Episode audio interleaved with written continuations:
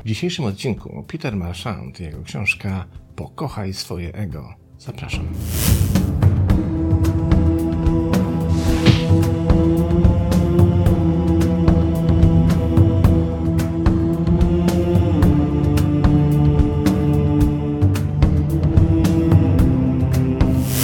I na początek sprawdźmy, kim jest autor książki.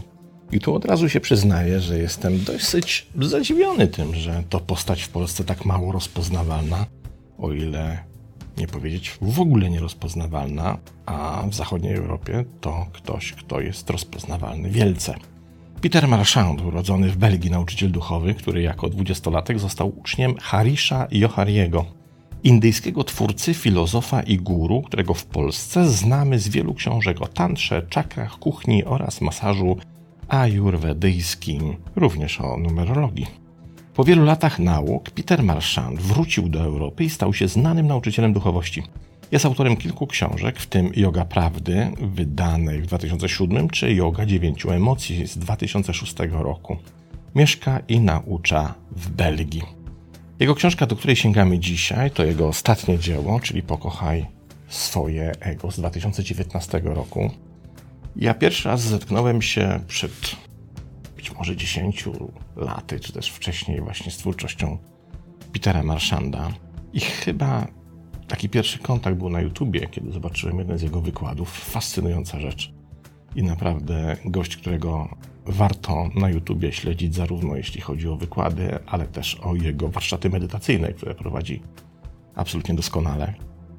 I pierwszą lekturą w moim przypadku była właśnie Yoga Prawdy, czyli ta książka z 2007 roku, która zrobiła na mnie piorunujące wrażenie, podobnie jak kolejna Yoga Dziewięciu Emocji. I kiedy czytałem te książki, byłem przekonany, że one w Polsce wychodzą, że są znane, rozpoznawalne. A to nagle się okazuje, że mimo tylu lat i takiej rozpoznawalności duchowego mistrza, jakim jest Peter Marchand, w Polsce wciąż go nie znamy, a szkoda. I po czym poznać to mistrzostwo?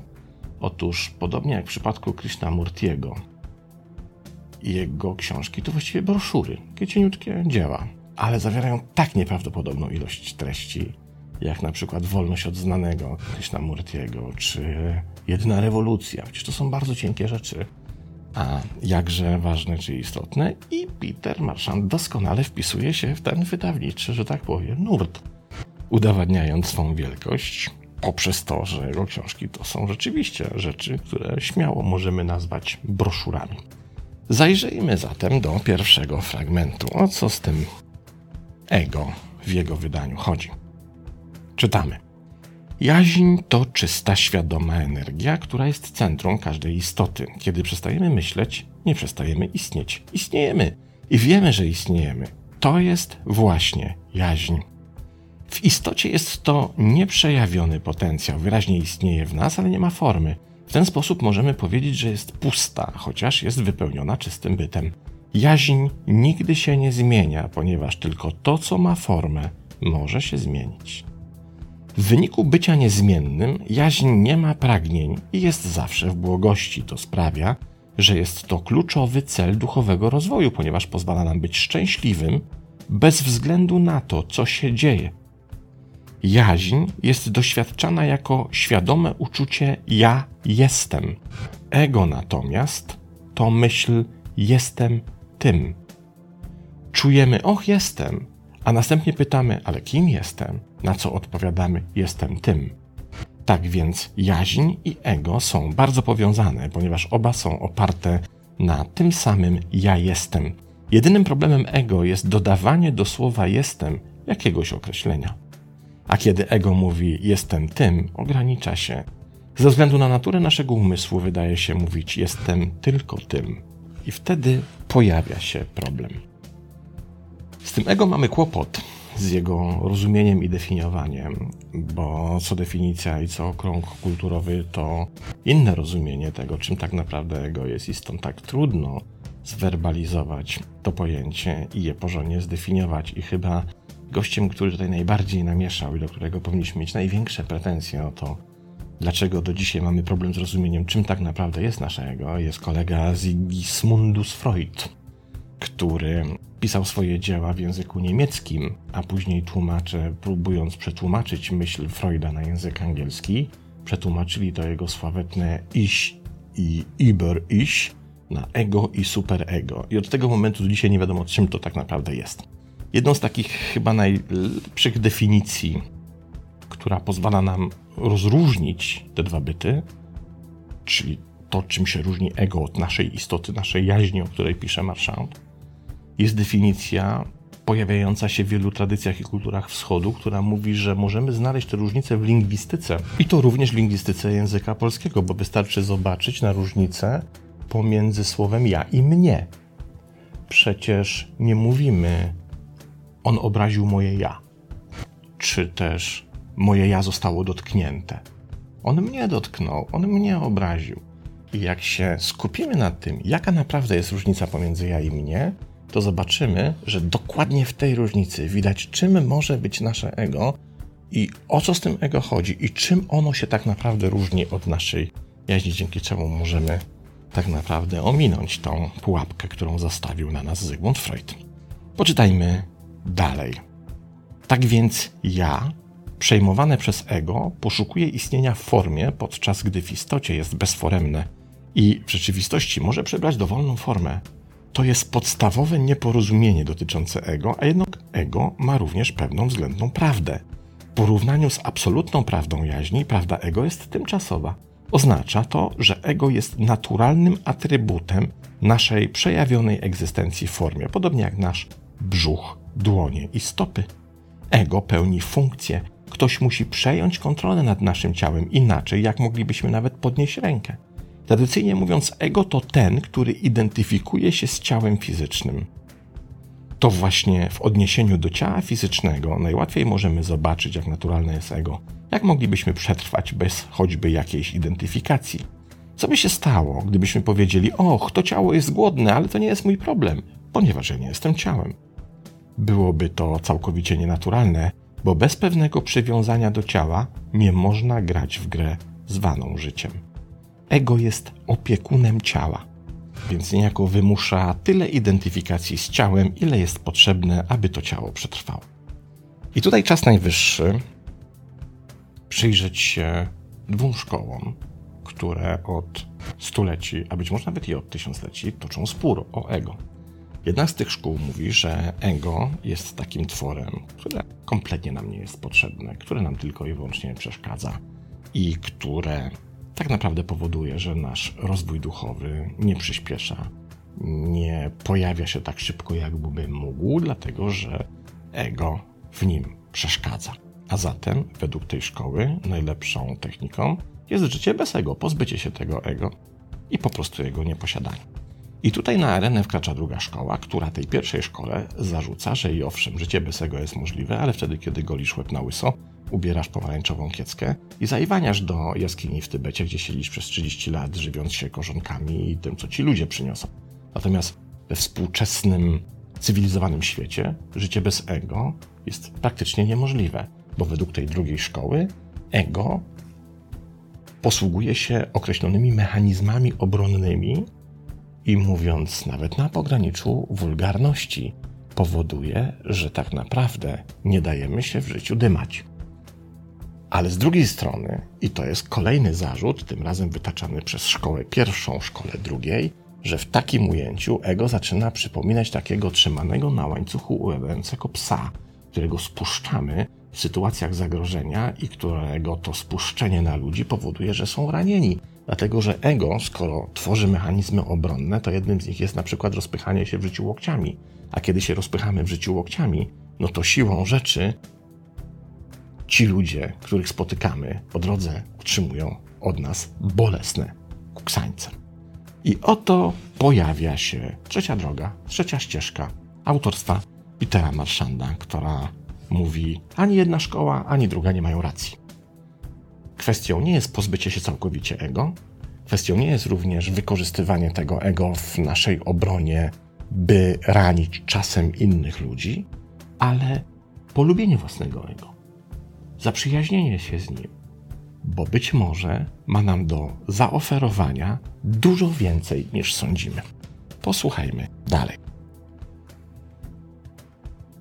ego identyfikuje się z myślami. Na jakimś małym poziomie musi to robić, żebyśmy mogli organizować naszą ochronę. Jednak prawdą jest to, że ego w tym znacznie przesadza. Ten, kto naprawdę identyfikuje się ze wszystkimi myślami, które przychodzą mu do głowy, musi ogłosić się wariatem, schizofrenikiem lub neurotykiem.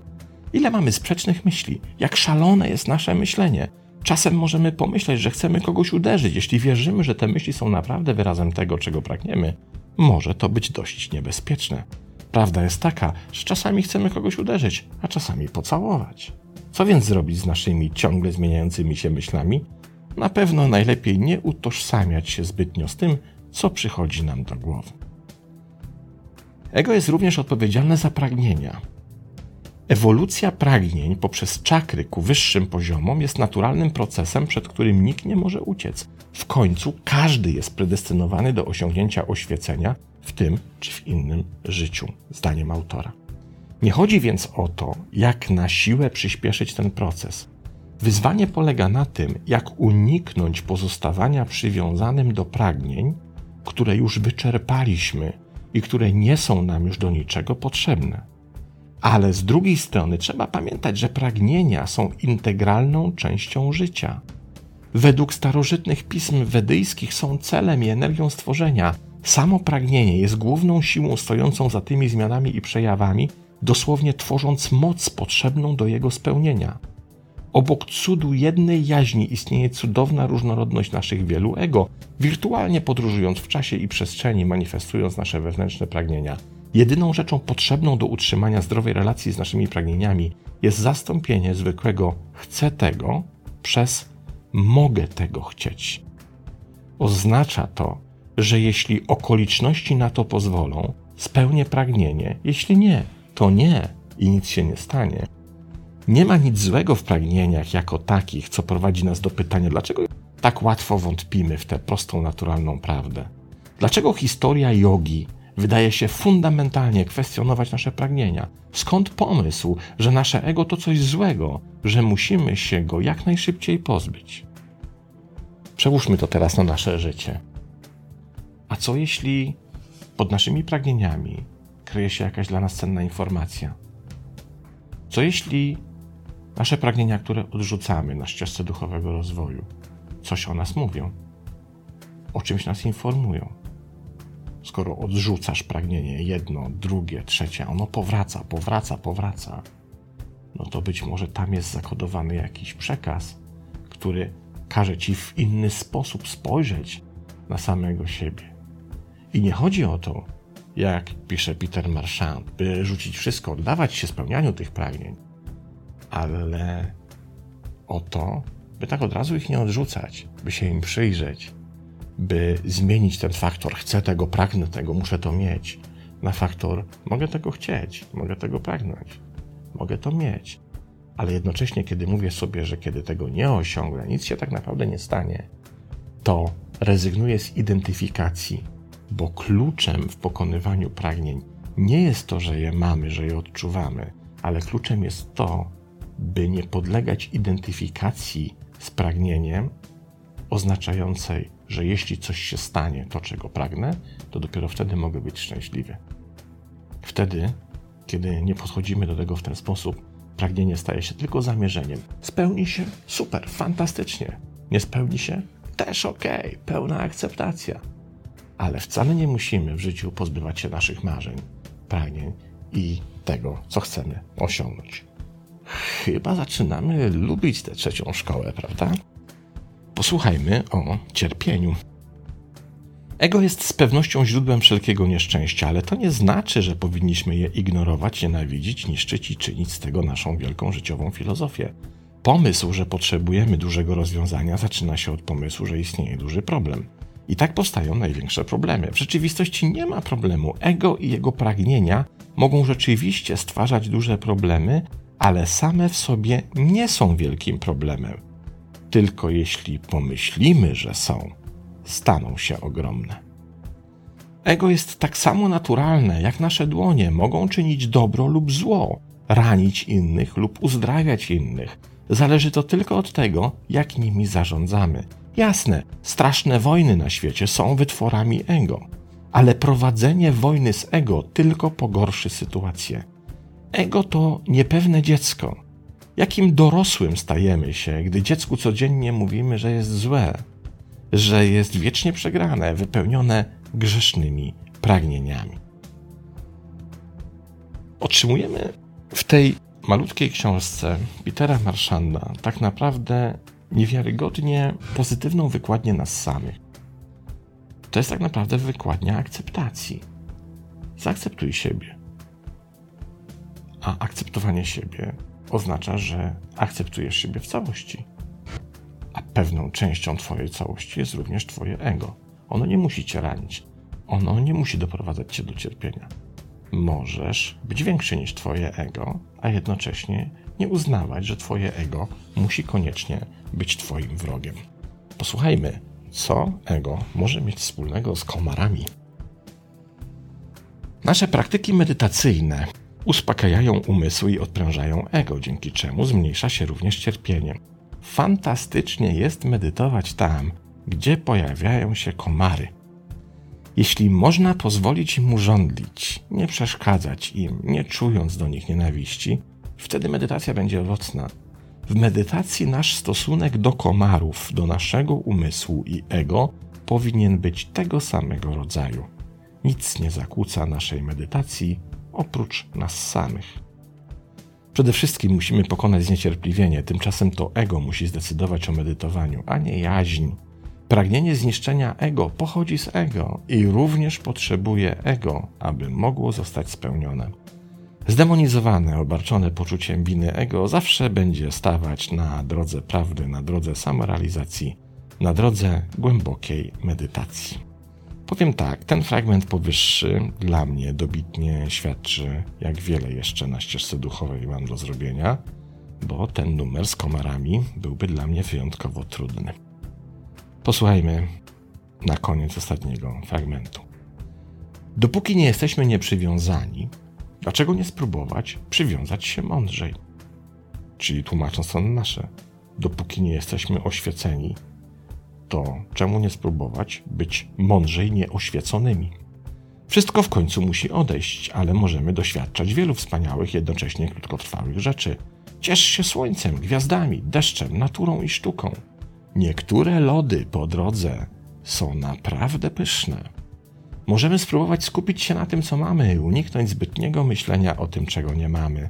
Przy odrobinie uwagi możemy też starać się być mniej przywiązani do tego, do czego jesteśmy przywiązani. Dlaczego by nie skonfrontować naszej ignorancji z odrobiną płynącej z głębi serca mądrości?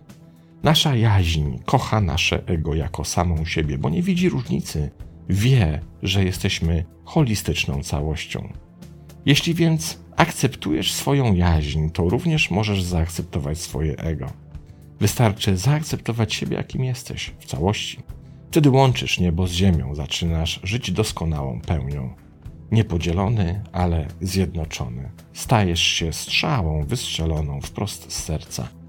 Pokochaj swoje ego, tak jak kochasz swoją jaźń, bo istnieje tylko jedna miłość. Piękne słowa na koniec trzeciej szkoły, szkoły środka.